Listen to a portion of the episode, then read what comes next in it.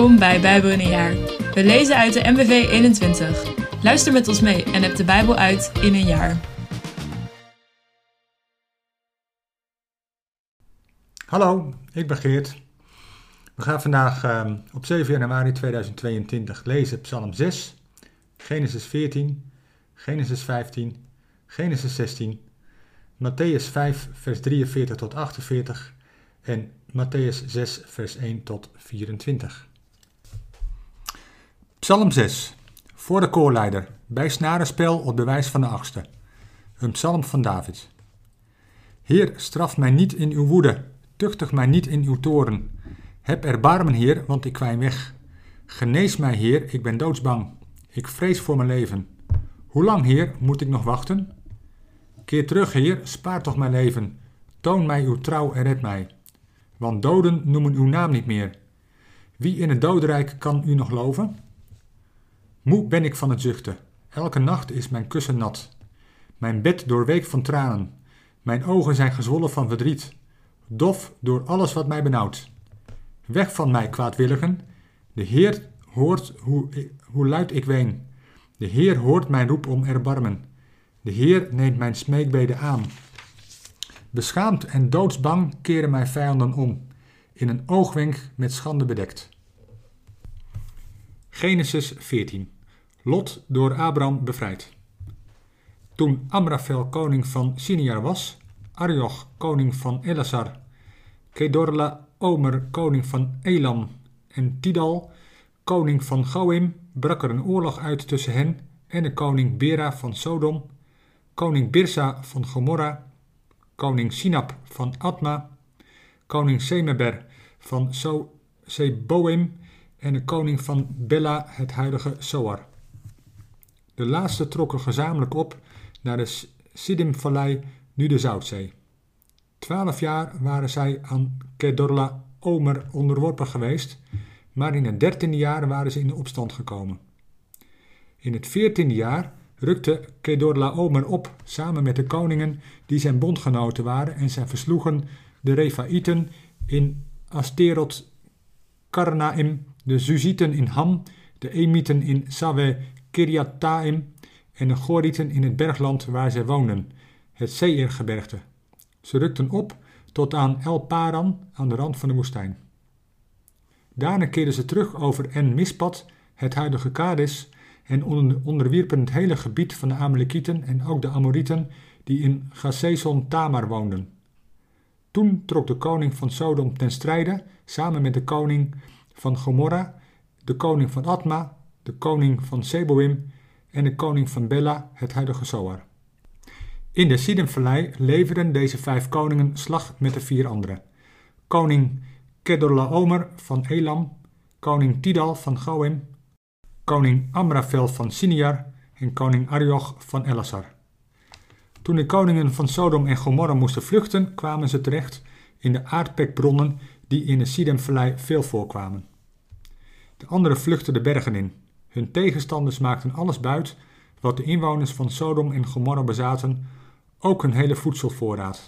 Daarna trokken ze weg. Ook Lot, de zoon van Abrahams broer, voerde ze weg met al zijn bezittingen, Lot woonde namelijk in Sodom. Dit werd door een vluchteling aan Abraham gemeld, die bij de eiken van de Amoriet Mamre woonde, de broer van Eskol en Anner. Mamre en zijn broers hadden met de Hebreeër Abraham een bondsgenootschap gesloten.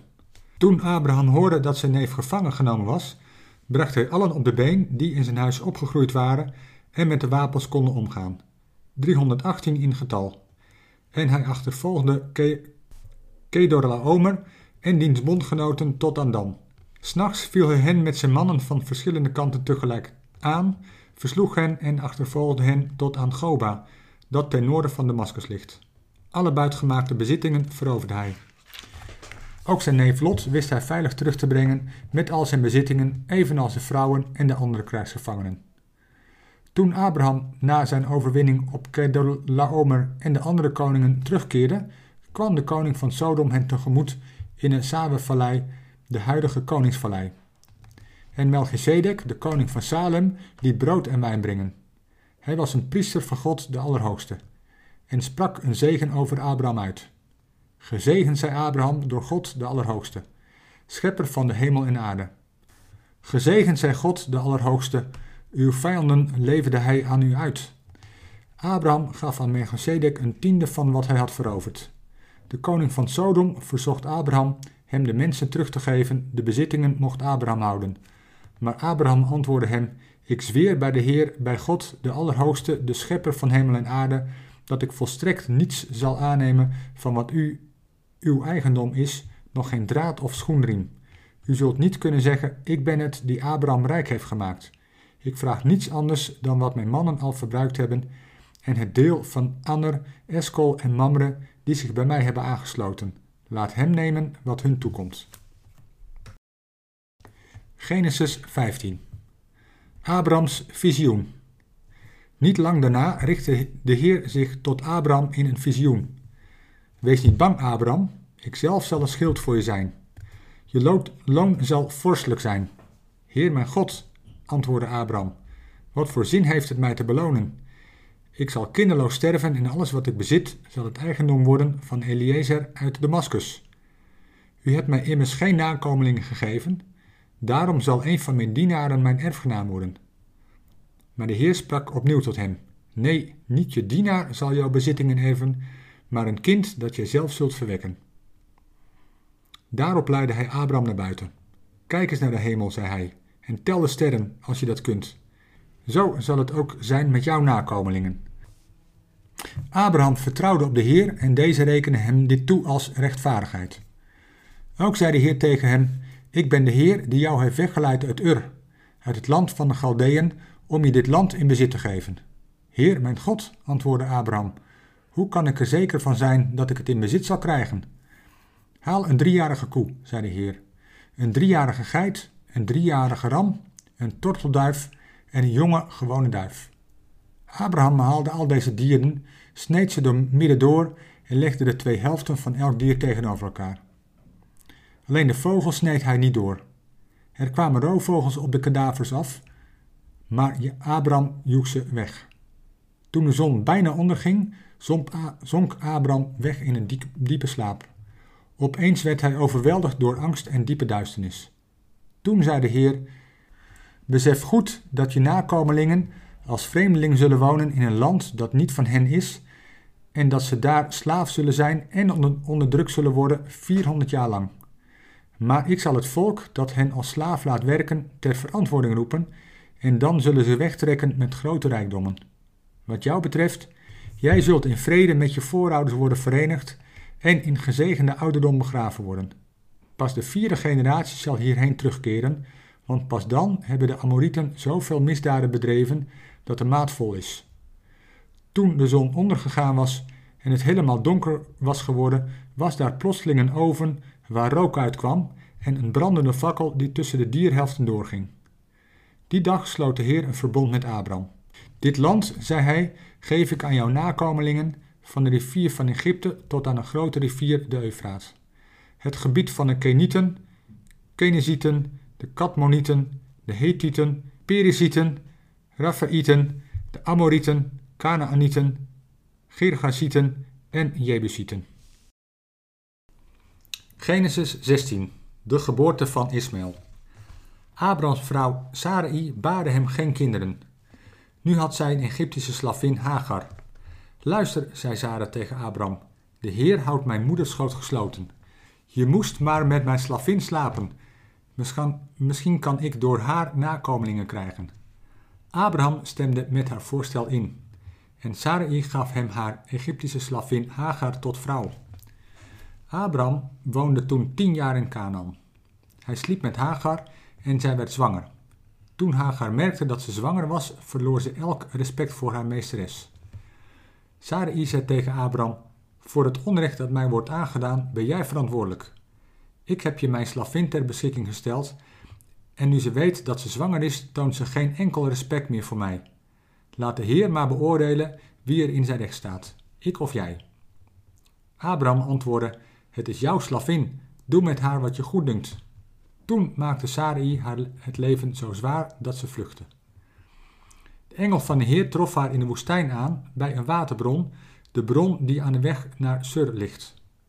Hagar, slavin van Sarai, waar kom je vandaan en waar ga je heen? vroeg hij. Ik ben gevlucht voor Sarai, mijn meesteres, antwoordde ze. Ga naar je meesteres terug, zei de engel van de Heer, en wees haar weer gehoorzaam. En hij vervolgde: Ik zal je heel veel nakomelingen geven, zoveel dat ze niet te tellen zullen zijn. Je bent nu zwanger en je zult een zoon ter wereld brengen. Die moet je Ismaël noemen, want de Heer heeft gehoord hoe zwaar je het te verduren had. Een wilde ezel van een mens zal hij zijn. Hij schopt iedereen, iedereen schopt hem. Met al zijn verwanten zal hij in onmin leven. Toen riep zij de Heer, die tot haar had gesproken, zo aan: U bent een God van het zien.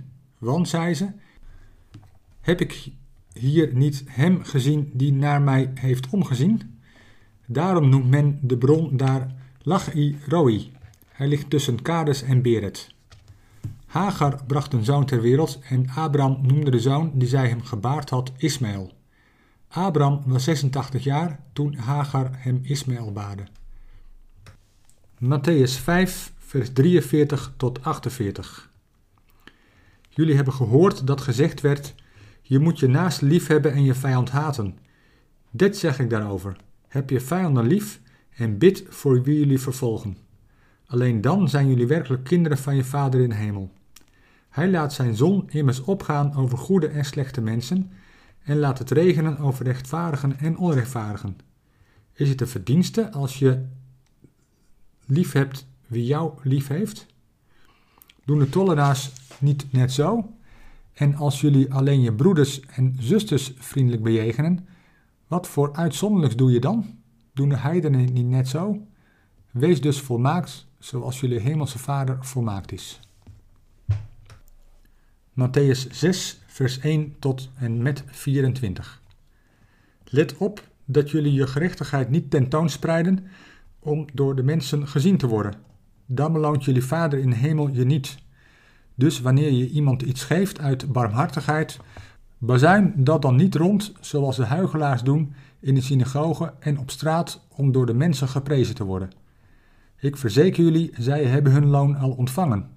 Als je iets uit barmhartigheid geeft, laat dan je linkerhand niet weten wat je rechterhand doet. Zo blijft je gift in het verborgene, en jullie vader, die in het verborgene ziet, zal je ervoor belonen. En wanneer jullie bidden, doe dan niet als de huigelaars, die graag in de synagogen en op elke straathoek staan te bidden, zodat iedereen hen ziet. Ik verzeker jullie, zij hebben hun loon al ontvangen. Maar als jullie bidden, trek je dan terug in je huis, sluit de deur en bid tot je vader die in het verborgene is, en jullie vader die in het verborgene ziet, zal je ervoor belonen. Bij het bidden moeten jullie niet eindeloos voortprevelen zoals de heidenen die denken dat ze door hun overvloed aan woorden verhoord zullen worden. Doe hen niet na. Jullie vader weet immers wat jullie nodig hebben, nog voor jullie het hem vragen. Bid daarom als volgt. Onze Vader in de hemel, laat uw naam geheiligd worden. Laat uw koninkrijk komen, laat uw wil gedaan worden, op aarde zoals in de hemel. Geef ons vandaag het brood dat we nodig hebben. Vergeef ons onze schulden, zoals ook wij vergeven wie ons iets schuldig is. En breng ons niet in beproeving, maar red ons van het kwaad. Want aan u behoort het koningschap, de macht en de majesteit in eeuwigheid. Amen. Want als jullie anderen hun misstappen vergeven, zal jullie hemelse Vader ook jullie vergeven. Maar als je anderen niet vergeeft, zal jullie Vader jullie je misstappen evenmin vergeven. Wanneer jullie vasten, doe dan niet als de huigelaars met hun sombere gezichten, want zij vertrekken hun gezicht om iedereen te laten zien dat ze aan het vasten zijn. Ik verzeker jullie, zij hebben hun loon al ontvangen. Maar als jullie vasten, was dan je gezicht en wrijf je hoofd in met olie, zodat niemand ziet dat je aan het vasten bent, alleen je vader, die in het verborgen is, en jullie vader, die in het verborgene ziet, zal je ervoor belonen.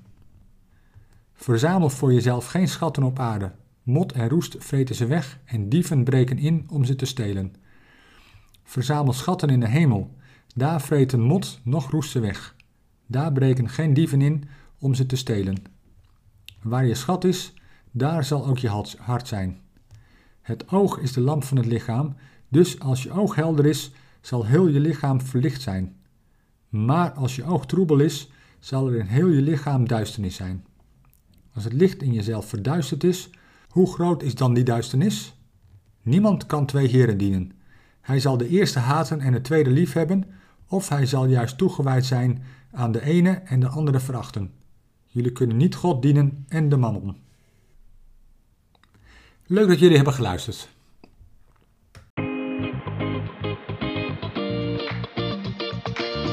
Bedankt voor het luisteren allemaal. Nog een gezegende dag en tot morgen.